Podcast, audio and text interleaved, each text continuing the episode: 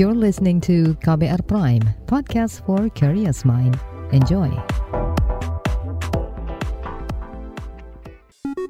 Saatnya Anda dengarkan Ruang Publik KBR yang dipersembahkan oleh Yayasan Dharma Bakti Astra.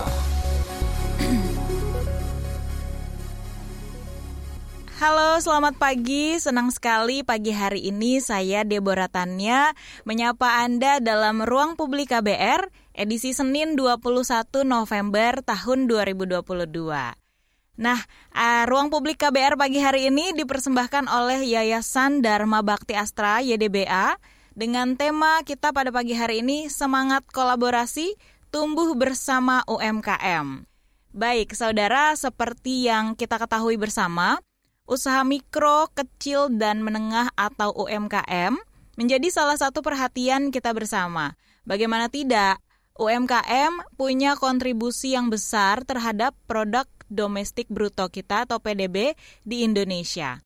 Nah, untuk mendukung pertumbuhan UMKM, Astra melalui Yayasan Dharma Bakti Astra YDBA ini terus mendorong dan menjembatani UMKM untuk berkolaborasi dengan berbagai pihak, baik bersama ayah angkat, off-taker, maupun expert.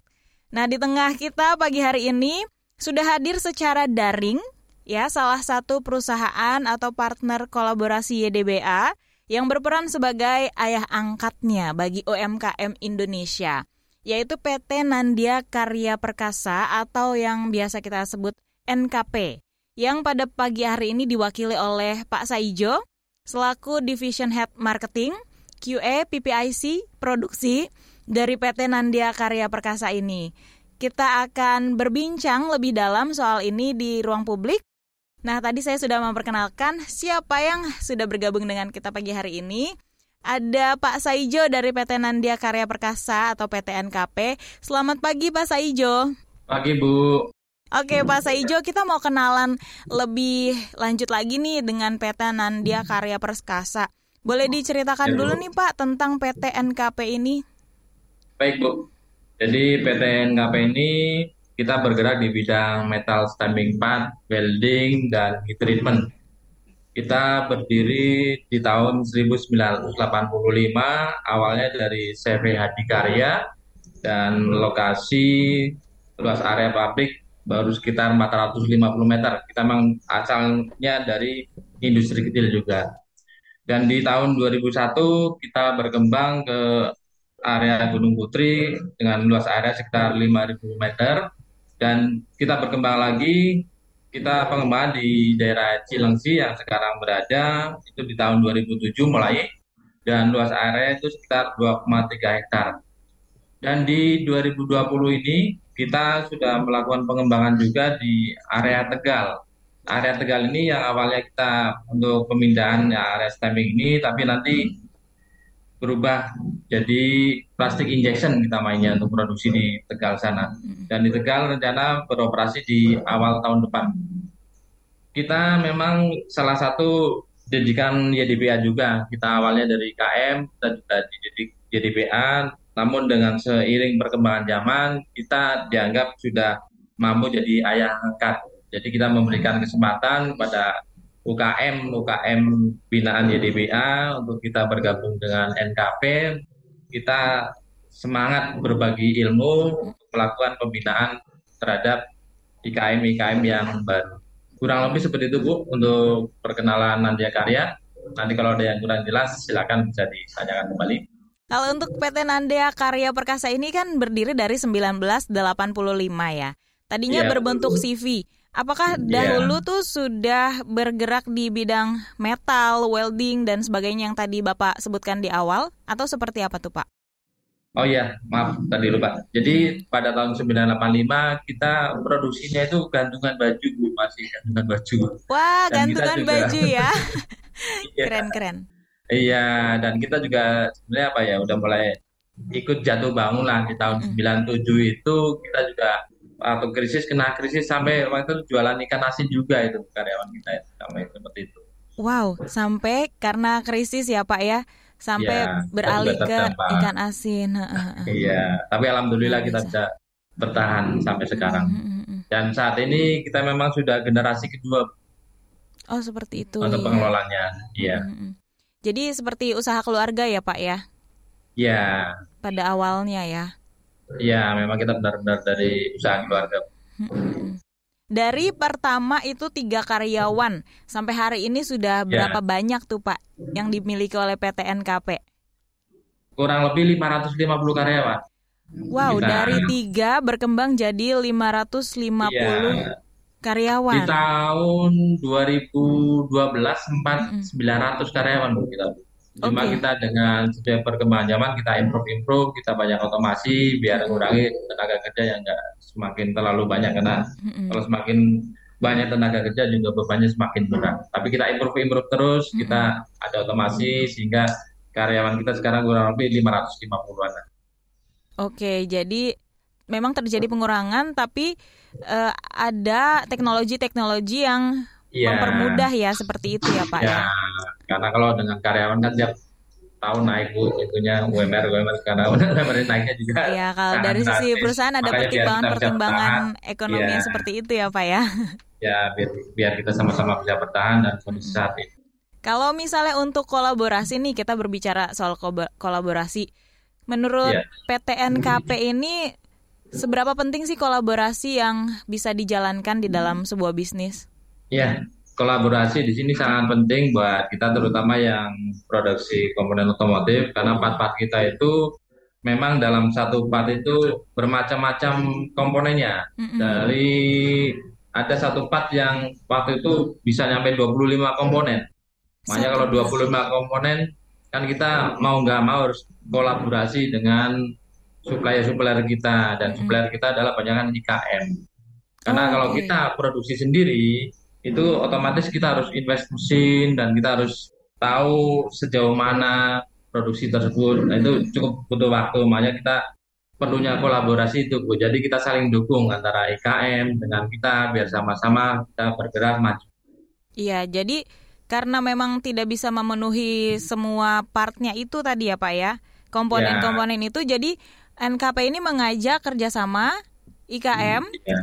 Ya, Apakah betul. untuk di wilayah Cilengsi aja atau sudah ke seluruh Indonesia nih Pak untuk Kita kerjasamanya? sih arahnya ke seluruh Indonesia. Cuma saat ini kita di wilayah Jabodetabek dan Tegal. Kita yang develop itu di Tegal, Bu. Di Tegal itu kita ada 6 UMKM di sana yang kita bina. Mm-mm. Jadi kita nggak cuma di itu, nggak cuma di Jabodetabek tapi di Tegal. Karena di Tegal awalnya kita memang untuk yang di sana kita pemindahan untuk area di sini cuma seiring itu tetapi tetap kita melakukan pembinaan. Harapannya ya tadi dengan kita ke sana nanti kami-kami di sana juga sudah bisa ikut berpartisipasi dengan kita. Jadi bisa kolaborasi dengan NKP. Tadi kan sudah disebutkan ada sekitar 5 atau 6 IKM ya, Pak yang di Tegal ya. Kalau Ya. untuk yang di wilayah Jabodetabek sendiri seperti apa tuh Pak? Ada berapa banyak yang sudah berkolaborasi dengan NKP? Kalau yang sudah berkolaborasi itu kurang lebih hampir 30-an, Bu. banyak juga. Wow. 30-an IKM yang sudah berkolaborasi ya untuk memenuhi Betul. eh, permintaan dari kliennya NKP Iya, kayak gitu ya Pak ya. betul, pelanggan kita. Iya. Nah, untuk kliennya NKP sendiri di wilayah mana saja sih Pak?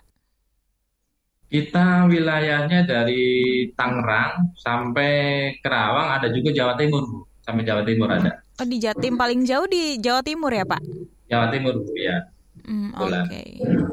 Kalau berarti karena di bidang otomotif mereka adalah perusahaan-perusahaan otomotif seperti itu ya. Iya, sebenarnya sih sekarang kita nggak cuma di bidang otomotif, Bu. Di bidang pertanian juga ada, Wah luas elektronik. ya Pak ya. Ya, karena memang seiring perkembangan zaman kita memang harus karena kalau cuma ada ya, otomotif Pak. kalau seperti kemarin pas turun itu kita nggak bisa apa-apa. Makanya kita pengembangan biar kita ada yang lain juga. Mm, mm. Betul sekali.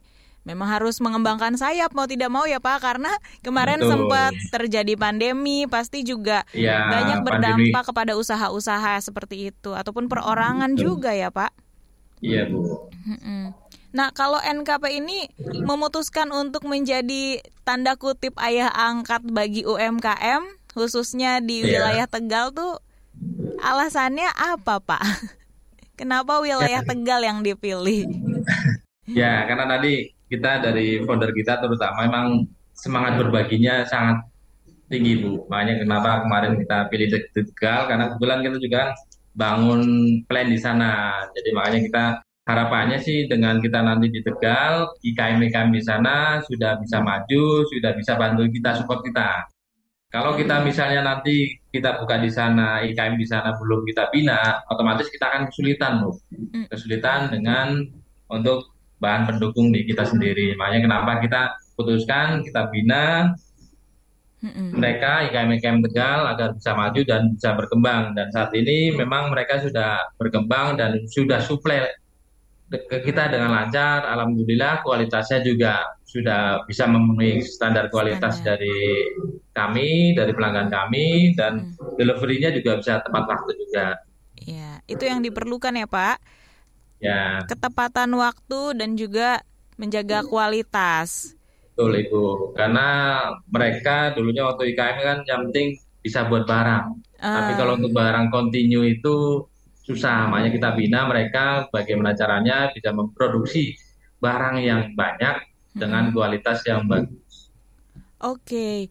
Nah, kalau untuk yang di wilayah Tegal ini, Pak, mereka ada Ya. enam. Apakah mereka kirim setiap IKM ini satu part, IKM yang satu part yang lain, kayak gitu atau bisa banyak Oh, part? mereka mereka banyak part, Bu. Dan Hmm. mereka berkolaborasi, bekerja sama dengan koperasi di Tegal. Jadi mereka pengirimannya itu disatukan, Bu. Jadi nanti ada tim koperasi Tegal yang akan kirim ke NKP, baru mereka nanti akan bagi-bagikan. Oh, jadi lewat eh, koperasi dulu, Koperasi, koperasi ya, baru ke ke NKP. NKP. Oh, Nanti seperti NKP itu. ambil material sampai Tegal, bagi-bagi lagi ke IKM-nya. Untuk menekan biaya juga mereka, jadi mereka satukan untuk pengirimannya.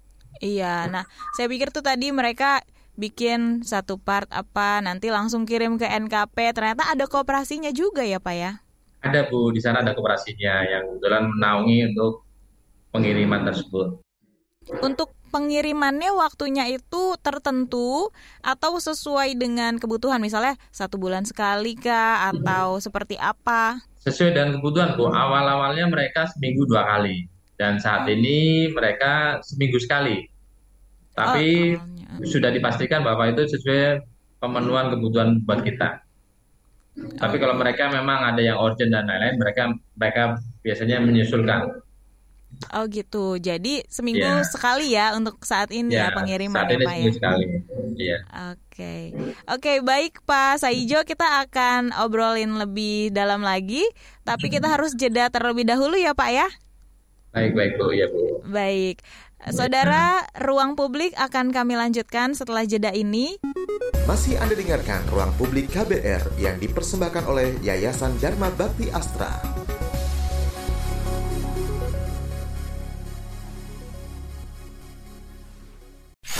Commercial break. Commercial break.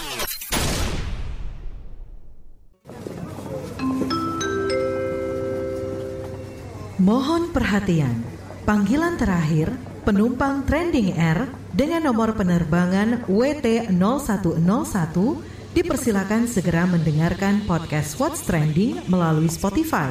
Karena podcast What's Trending sekarang ada di playlist teman perjalananmu.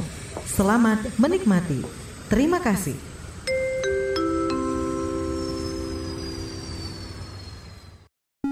Masih Anda dengarkan Ruang Publik KBR yang dipersembahkan oleh Yayasan Dharma Bakti Astra.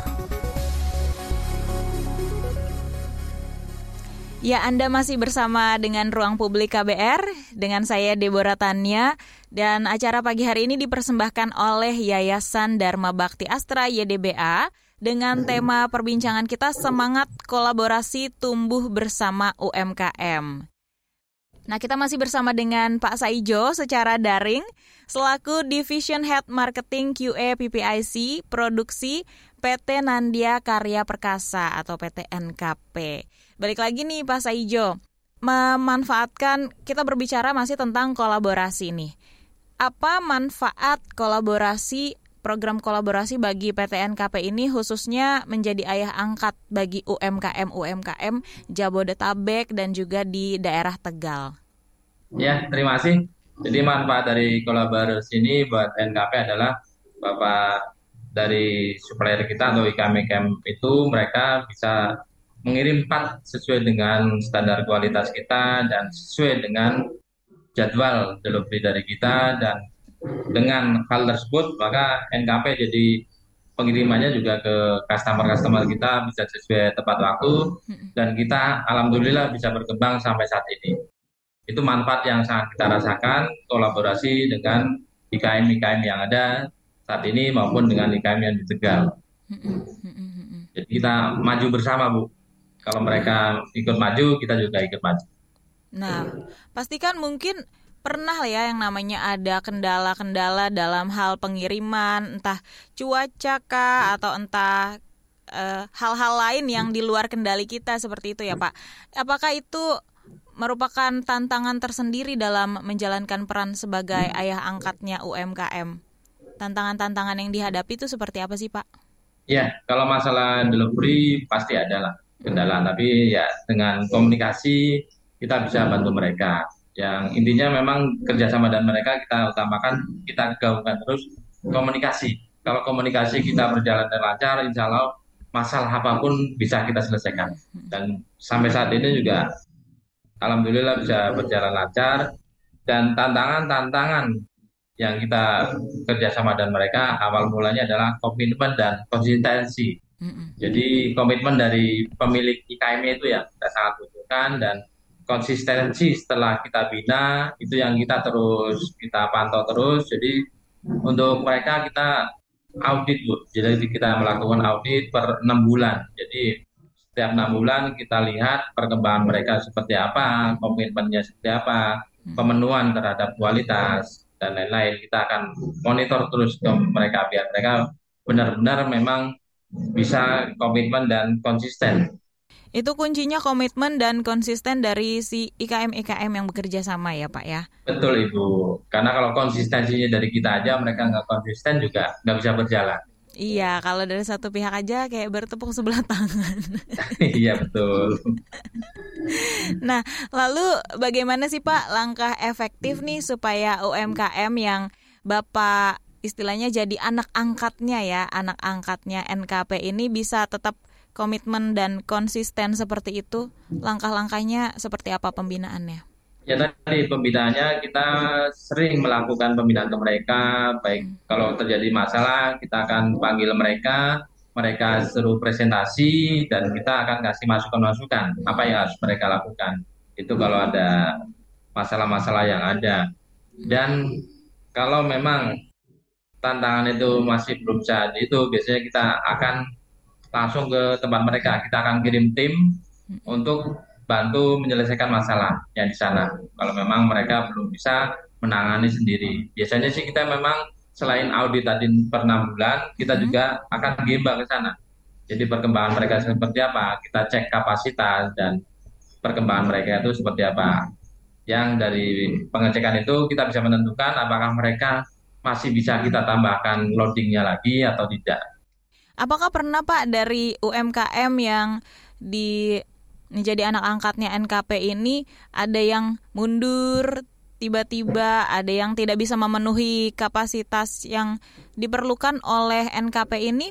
Seperti apa Pak? Ada juga Bu. Mm. Awalnya memang dari seleksi itu kita juga kalau nggak salah ada sekitar 10 dan yang lulus itu 6. Mm -mm.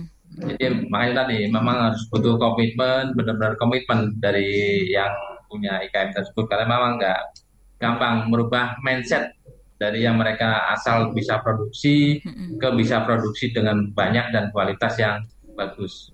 Langkah ya. efektif supaya UMKM ini bisa memanfaatkan peluang-peluang yang ada di sekitar mereka, khususnya peluang bisnis ya Pak ya? Iya. Itu seperti apa sih Pak kalau menurut NKP ini sebagai ayah angkat UMKM? Jadi mereka ya harus sering-sering komunikasi tadi. Kalau memang mereka sudah ada tambahan investasi, mereka akan update. Jadi mereka sudah investasi apa, sudah nambah apa, alat-alatnya nambah apa. Nah sehingga mereka bisa kita survei bu. Oh iya, mereka sudah nambah mesin, berarti kita akan tambahkan pekerjaan untuk mereka lagi sesuai dengan kapasitas mesin yang mereka punya beli. Mm-mm. Jadi dari awal kita juga awalnya mereka itu omset ke kita itu antara 20 sampai 30 juta. Sekarang ini ada yang per bulan sudah sekitar 200-an juta. Wah, Dari sudah meningkat tersebut. sekali ya, Pak ya. Ya, Luar karena memang kita ya tadi kita komunikasi terus gimana caranya mereka bisa semakin tumbuh berkembang. Bu. Mm-mm, betul betul. Nah pasti kan ada strategi ya Pak ya yang harus dilakukan oleh IKM-IKM ini untuk tetap bertahan di Ya. eh, persaingan bisnis yang semakin ketat saat-saat ini. Kalau Ya. menurut PTNKP nih strategi inovasi apa lagi sih yang harus dilakukan untuk UMKM yang dibina oleh NKP supaya bisa tetap eksis dan berkontribusi baik? Ya, jadi strategi yang bisa dilakukan mereka adalah improvement, Bu. Jadi improvement yang harus mereka lakukan dengan kondisi sekarang, mereka harus terus-terus melakukan perbaikan biar apa? Kapasitas mereka bisa semakin naik dan bisa berkembang lagi. Karena kalau nggak ada improvement, otomatis mereka akan tertindas. Dan sekarang itu banyak sekali yang gulung tikar kan kemarin dan COVID itu, alhamdulillah IKM yang kita bina masih bisa bertahan semua, Bu. Karena memang mereka banyak melakukan improvement-improvement dari proses-proses yang ada. Oke, T- kalau dari NKP sendiri seperti apa sih Pak inovasi yang sudah dijalankan dari awalnya nih? Dari awalnya hanya tiga karyawan sampai sekarang 550 karyawan, pasti kan selalu ada inovasi-inovasi yang dikembangkan oleh NKP. Itu seperti apa Pak? Bisa dibagikan kepada kami? Baik, ya. Jadi di kita itu udah inovasi yang banyak kan di kita adalah otomasi, otomatisasi. Jadi kita ada beberapa mesin yang tadinya memang menggunakan kurang lebih 30 orang. Kita otomasi dengan kita beli dua mesin itu sudah bisa tercover dengan hal tersebut. Sehingga ya kapasitas kita bisa bertambah lagi. Dan kita juga sekarang lagi pengembangan IoT, Bu. Jadi nanti untuk hasil produksi, terus hasil proses itu bisa kita monitor dari rumah. Jadi nanti pemilik-pemilik itu udah bisa monitor dari rumah. Sampai mesin itu bisa dinyalakan dari rumah nanti. Dan Oh, seperti itu.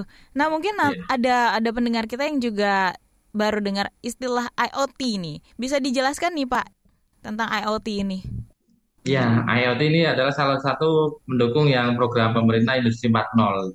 Oke. Jadi IoT ini pengembangan di sistem, Bu, sistem produksi. Jadi kita nanti produksi bisa kita monitor baik di pabrik dengan layar maupun nanti di HP. Jadi nanti di HP itu kita bisa kontrol. Ini hari ini produksi apa aja dan dapat berapa, kendalanya apa, itu kita bisa monitor. Mm, mm, mm. Jadi sistem jaringan kita ikutin perkembangan zaman juga dengan sekarang kan kita harus memang mau nggak mau harus ngikutin perkembangan zaman Betul. agar kita tetap bisa bertahan. agar bisa tetap eksis ya Pak karena teknologi Ya, sekarang sudah semakin maju mempermudah Iya. pekerjaan manusia Nah, dan kita bahkan memanfaatkan perkembangan teknologinya sekarang ini. Bu. iya betul mempermudah juga dari sisi produksi ya Pak ya Betul, menghemat kita juga waktu. bisa menghemat tenaga dan waktu. Oke. Jadi kita nggak perlu nanya produksi hari ini berapa sih, kita udah bisa lihat langsung. Baik, Pak Saijo, kita akan obrolin lagi tentang semangat kolaborasi tumbuh bersama UMKM pada pagi hari ini. Ruang publik akan kami lanjutkan setelah jeda ini. Masih Anda dengarkan Ruang Publik KBR yang dipersembahkan oleh Yayasan Dharma Bakti Astra. Ya, masih bersama Ruang Publik KBR bersama saya Deborah Tanya dan Ruang Publik KBR pagi hari ini dipersembahkan oleh Yayasan Dharma Bakti Astra YDBA dengan tema semangat kolaborasi tumbuh bersama UMKM. Nah, kita juga masih bersama-sama secara daring dengan narasumber kita, Pak Saijo selaku Division Head M Marketing QA PPIC produksi dari PT Nandia Karya Persada. Pak Saijo, untuk Iya. pencapaian kita ngobrol tentang pencapaian UMKM di dalam Iya. kolaborasi yang sudah dilakukan PT NKP dan UMKM yang ada di wilayah Jabodetabek dan Tegal tuh seperti apa Pak pencapaian dalam kolaborasi ini? Ya, pencapaian dalam kolaborasi ini, terutama yang UMKM di Tegal, mereka itu sudah banyak yang sekarang sudah sistem ISO, Bu. Jadi mereka selain dengan NKP, mereka juga sekarang sudah bisa masuk ke customer-customer lain yang intinya layer satu dari Astra Honda maupun dari roda 4. Jadi mereka sudah bisa masuk dan sudah punya beberapa customer yang selain NKP ya. Kita juga ikut senang karena dengan penerapan sistem di mereka, mereka bisa masuk ke customer-customer yang lainnya. Dan mereka juga ikut dalam kompetisi QCC di YDBA. Dan kemarin tahun ini kebetulan mereka ikut juga kita jadi juara satu, mereka jadi juara dua. Jadi kita ikut ke kompetisi juga, Bu. Oh, Selain oke. jadi kita didik mereka, mereka ikut kompetisi dengan kita. Tapi kita nggak masalah dengan hal Jadi istilahnya ayah dan anak lagi bersaing nih ya di kompetisi ya Pak. Iya, bersaing yang sehat, Bu. Bersaing yang sehat, betul sekali. Betul. Iya. Itu untuk yang wilayah Tegal ya Pak yang tadi ikut kompetisi. Iya. Iya. Oke, kalau Kebetulan ya wilayah Tegal ya. Oke. Kalau untuk yang di wilayah Jabodetabek sendiri? Kalau Jabodetabek ada, mereka sistem mereka sudah berkembang juga sih dari yang tadi penyampaian mereka, customer mereka juga memang sudah banyak bertambah dengan kondisi sekarang dan omset mereka ada yang awalnya yang di Super Jabodetabek awal kerjasama dan kita mereka nggak punya mesin, sekarang udah punya mesin sekitar 20 unit dan omsetnya udah 400-an juta sekarang di bulan itu mereka. Ada yang seperti itu. Oh, itu memang orang-orang yang mau berusaha terus ya Pak mengembangkan Betul. diri ya Pak ya. Iya. Baik, kita sudah tersambung kembali nih Pak dengan penelpon kita yang tadi. Ada Mbak Dewi dari Bogor, saya mau sapa dulu. Halo, selamat pagi. Iya, halo, selamat pagi. Iya, Mbak Dewi silakan ingin bertanya-tanya ke Pak Saijo. Iya, eh, gini Pak Saijo, kan eh, Iya, saat ini tuh eh, era digitalisasi gitu ya.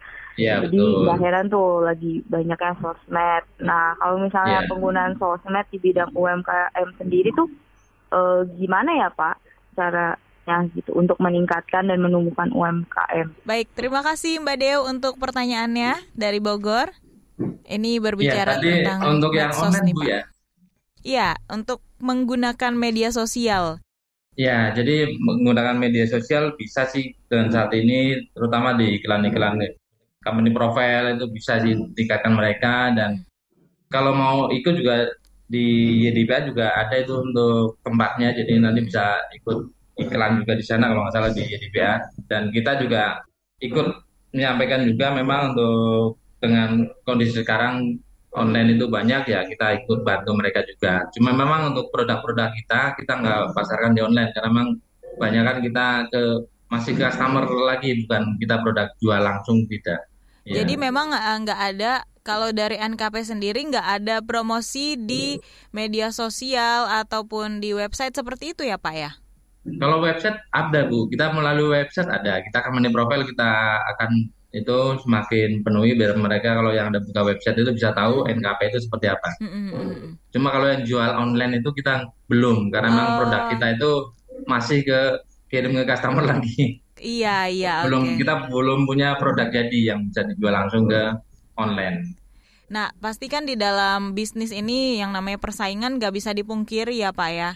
Ya, Untuk menjaga kepercayaan kos customer atau konsumen Customer, kita betul. itu kan mesti dijaga juga. Tips-tipsnya gimana sih Pak membangun dan menjaga kepercayaan konsumen di antara banyaknya persaingan bisnis di bidang welding yang tadi sudah Bapak sebutkan di awal ya? ya. Tipnya ya salah satunya kita jaga kualitas dan kuantitas tadi. Jadi kita kualitas kita jaga, kuantitas juga kita jaga dan kita melakukan improvement agar harga kita juga bisa bersaing sehingga customer tetap percaya terhadap kita. Jadi kita intinya banyak melakukan improvement lah terhadap proses-proses yang ada biar kita bisa melakukan karena biasanya customer itu tiap tahun itu minta penurunan harga bu, bukan kenaikan harga. Sementara harga bahan pokoknya naik, minta diturunkan Iya, harganya makanya ya, Pak. kita harus improvement sehingga kita kalau harganya masih bisa bersaing, customer masih bisa percaya terhadap kita, pengirimannya juga tepat waktu, kualitasnya juga bisa sesuai dengan yang mereka harapkan. Mm. Itu tip-tipnya di antaranya itu sih. Ada-ada aja yang namanya customer ya Pak ya. Iya. nggak bisa diprediksi. Nah, kita Iya. mau beralih ke YouTube Berita KBR. Sudah masuk banyak pertanyaan, tapi kita pilih yang cocok aja ya untuk tema kita Iya. pagi hari ini. Ada dari Hamzah. Saya Hamzah ingin tanya Pak, apa selanjutnya UKM di Tegal diolah dari NKP akan ada inovasi baru di tahun 2022? Pertanyaan dari Hamzah, Pak. Ya, kita ya kita akan tingkatkan lagi untuk pembinaan ke mereka dan mereka juga saat ini sudah ada IKM yang bisa tadi yang program IoT. Kebetulan mereka bekerja sama dengan kementerian. Mereka juga sudah ada IKM kita yang menerapkan program IoT tersebut. Jadi mereka sudah bisa monitor pekerjaan mereka itu dari rumah. Nah, kita coba akan melakukan pengembangan itu lagi, coba kita akan kerjasama lagi dengan pihak pemerintah setempat maupun dengan kementerian langsung, karena kebetulan kita juga YDBA di Tegal kan ada perwakilannya juga, mereka juga sangat intens komunikasi dengan pihak pemerintah. Sehingga karena kalau program-program yang sekarang itu terutama yang otomasi itu kan butuh dana yang besar. Iya. Kalau IKM kan masih sangat berat untuk melakukan itu, sehingga mereka akan kolaborasi dan bekerja sama dan pihak pemerintah. Kemarin IKM kita ada yang dapat bantuan dari kementerian, Kementerian Perindustrian. Jadi mereka diarahkan ke IoT tersebut. Jadi mereka gratis, cuma tinggal menyiapkan tempat dan sarana yang ada di sana. Untuk bisa mendapatkan bantuan seperti itu bagi IKM yang memang masih kesulitan gitu ya dari segi dana untuk membeli mesin-mesin yang canggih, itu ada syarat-syarat khususnya nggak sih Pak? Ya syaratnya sih sering-sering berkomunikasi dengan pihak pihak yang pemerintahan setempat sih Bu kalau mau dapat bantuan tersebut. Kayak di Tegal kebetulan kan Kementerian Perindustriannya di sana di kabupatennya itu sangat intens komunikasi sehingga setiap program dari pemerintah mereka akan sosialisasikan ke IKM-IKM yang ada di sana. Jadi pemerintah juga ini ya membantu juga untuk IKM-IKM tuh bisa berkembang, berinovasi. Iya, pemerintah dan YDBA terus berkolaborasi. Betul, betul. Pemerintah dan YDBA pastinya. Nah, ada lagi pertanyaan via YouTube Berita KBR. Ini dari Arif Kurniawan. Dalam bentuk apa kira-kira kolaborasi yang efektif dan menguntungkan? Ini kayak secara umum kali ya Pak ya. Kolaborasi yeah. yang efektif dan menguntungkan bentuknya seperti apa nih kalau dari Arif Kurniawan? Iya, kalau kolaborasi tersebut ya kolaborasi sistem. Jadi kita sistem yang kita ada, kita kolaborasi dengan IKM itu biar mereka bisa menerapkan sistem yang ada di kita sehingga kalau sistem mereka sudah berjalan ya kita bisa bekerja sama dan bisa berlanjut sampai ke depan. Insya Allah bisa berlanjut terus kalau sama-sama kita menjaga sistem tersebut. Tapi kalau misalnya nih kan kadang sistem bisa juga terjadi error gitu ya Pak ya.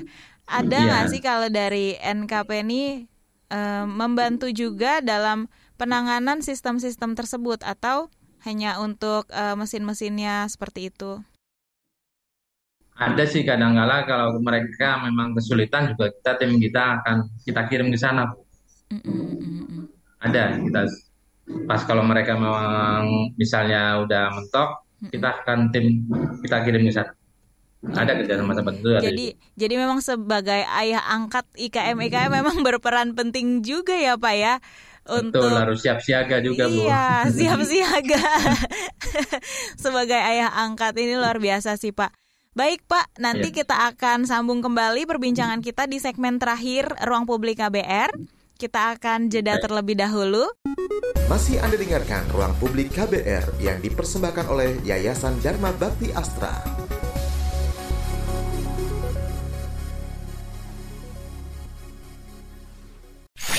Commercial break. Commercial break. Transfer ke sini udah, bayar ini juga udah. Ke gue udah. Heh, Allah, pertumbuhan ekonomi tuh lagi melambat, persis kayak tabungan gue. Betul banget, harus mateng ngelola keuangan. Pengennya tuh investasi sesuatu gitu ya. Apa gitu yang cocok dan menguntungkan? Hmm, coba dengerin uang bicara deh. Gue belakangan lagi dengerin podcast itu di KBR Prime reksadana yang tadinya 500 juta udah turun dari 250 juta sekarang 10 ribu. Sama kita ngopi mahalan mana? Ketika itu ada keputusan yang kayak begitu investor harus tahu gitu oh ada keputusan ini berarti implikasinya apa? Orang mungkin Perluas literasi kamu lewat podcast Uang Bicara. Uang Bicara menavigasi kamu dengan menghadirkan bahasan-bahasan seru dan populer mulai dari investasi sampai kebijakan. Dipersembahkan oleh KBR Prime dan bisa didengarkan di KBR Prime, Spotify, dan platform mendengarkan podcast lainnya. KBR Prime, podcast for curious mind. Masih Anda dengarkan Ruang Publik KBR yang dipersembahkan oleh Yayasan Dharma Bakti Astra. Baik, inilah bagian akhir Ruang Publik KBR edisi hari Senin 21 November 2022. Dan acara ini dipersembahkan oleh Yayasan Dharma Bakti Astra YDBA dengan tema perbincangan kita Semangat Kolaborasi Tumbuh Bersama UMKM. Nah, kita masih bersama-sama dengan Pak Saijo dari PT Nandia Karya Perkasa selaku Division Head Marketing, QA, PPIC dan juga produksi. Baik Pak Saijo, kita kan Ya, Bu. tadi membahas juga bahwa NKP ini awalnya juga merupakan dan bahkan sampai sekarang ya merupakan binaan YDBA ya seperti Ya. itu. Kita mau tahu nih Pak, seperti apa bentuk support dari YDBA untuk khususnya PT NKP sampai saat ini? Ya, sampai saat ini kita masih kerjasama dengan YDBA, terutama untuk training-training Bu. Jadi program-program training yang ada di YDBA kita juga masih ikut berpartisipasi di sana. Jadi selain kita ngirim training juga kita ngirim trainer Bu. Kita jadi ada juga kerjasama dengan YDBA yang di Tegal itu juga kita ngirim trainer juga untuk training IKM-IKM yang ada di sana itu. Jadi selain training kita juga ada trainer juga yang kita kirimkan ke kerjasama dengan YDBA. Oke, selain PT NKP ini ikut mengikuti training, juga mengutus uh, orang-orang dari NKP untuk mentrainer ya IKM-IKM yang di daerah-daerah seperti itu ya Pak ya. Ya, dan kita juga masih aktif setiap program-program yang ada di YDBA kita ikutin juga. Oke. Kita Nah, saling support lah dengan YDBA. betul betul Pak, saling support untuk memajukan bersama-sama Indonesia ya Pak ya. Betul Ibu. Betul. Lalu setelah mendapatkan binaan dari YDBA ini, apa yang dirasakan sih Pak untuk NKP sendiri? Manfaat-manfaatnya. Manfaatnya cukup banyak sekali dengan kita kerjasama dengan YDBA. Alhamdulillah untuk karyawan-karyawan kita juga kompetensinya bisa ikut naik dan kalau kompetensi ikut naik otomatis kan produktivitas akan semakin berkembang dan bertambah. Betul. Dan itu akan menambah juga pengetahuan-pengetahuan dari tim kita sehingga kita bisa support customer dengan lebih maksimal lagi. Betul betul. Nah baik Pak, kita sudah ada lagi pertanyaan dari YouTube Berita KBR yang sudah kita pilih, ya produser kami pilih. Ini dari Fitri. Selamat pagi. Seperti apa pandemi mempengaruhi sistem kerja dan juga target pasar dari PT NKP? Ini Pak pertanyaan dari Fitri via YouTube Berita KBR. Ya, baik. Untuk pandemi ini memang kemarin sangat-sangat memukul kita. Kita di tahun 2020 itu sampai off bu, sempat off produksi satu bulan kita karena memang customer kita memang benar-benar off, kita juga off dan kita emang setelah itu ya bagaimana caranya kita bisa tumbuh lagi dan berkembang lagi ya kita banyak melakukan improvement-improvement biar kita bisa cepat berkembang kembali dan alhamdulillah untuk sekarang kita sudah mulai ke arah normal kembali sih dari yang pandemi itu. Pandemi itu memang sangat-sangat bukan kita aja yang merasakan banyak sekali banyak sekali juga perusahaan yang tutup gara-gara pandemi. Ya alhamdulillah kita masih bisa Bertahan. ikut ya bertahan sampai saat ini dan alhamdulillah bisa berkembang lah kita bisa melakukan pengembangan lagi di area yang lain. Jadi tadi bisa diulang lagi Pak, selain di bidang welding eh, untuk eh, PT NKP ini apalagi tadi Pak? Macam-macam Kita ada welding, ada stamping, ada control cable, ada heat treatment.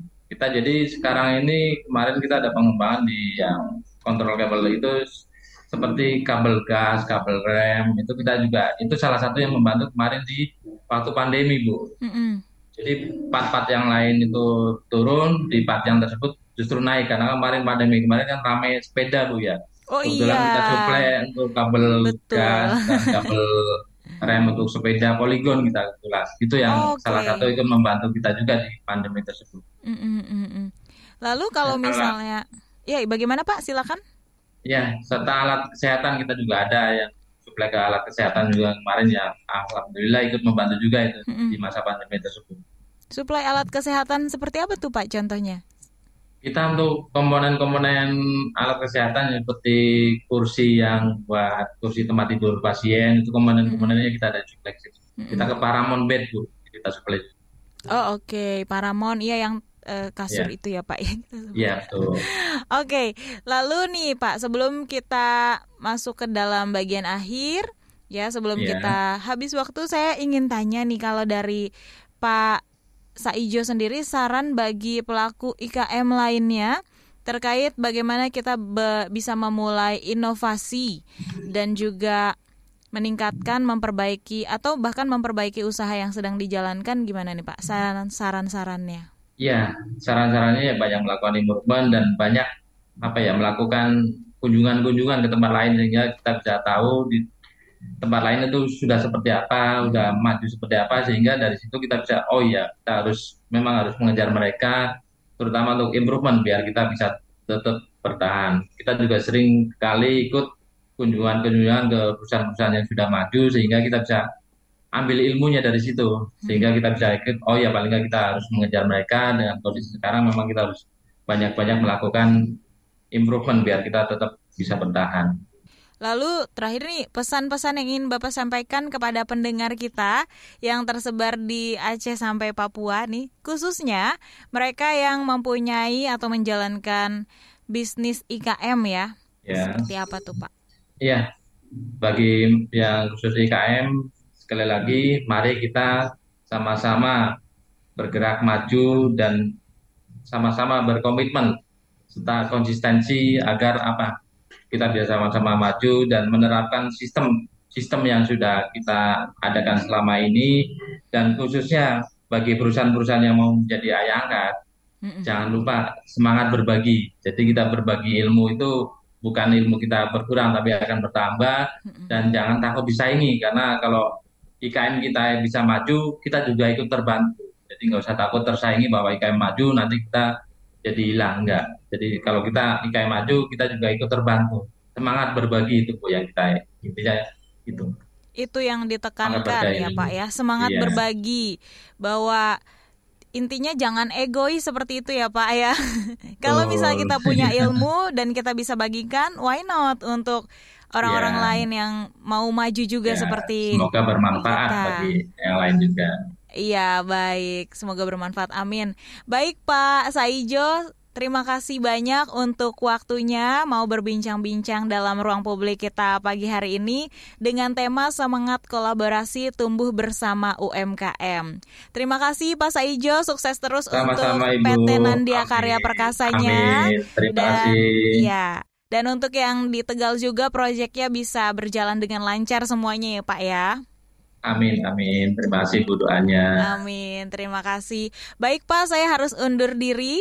Saya Deborah Tania harus pamit undur diri. Terima kasih untuk Anda yang sudah menyaksikan Ruang Publik KBR sampai selesai. Salam. Baru saja Anda dengarkan Ruang Publik KBR yang dipersembahkan oleh Yayasan Dharma Bakti Astra.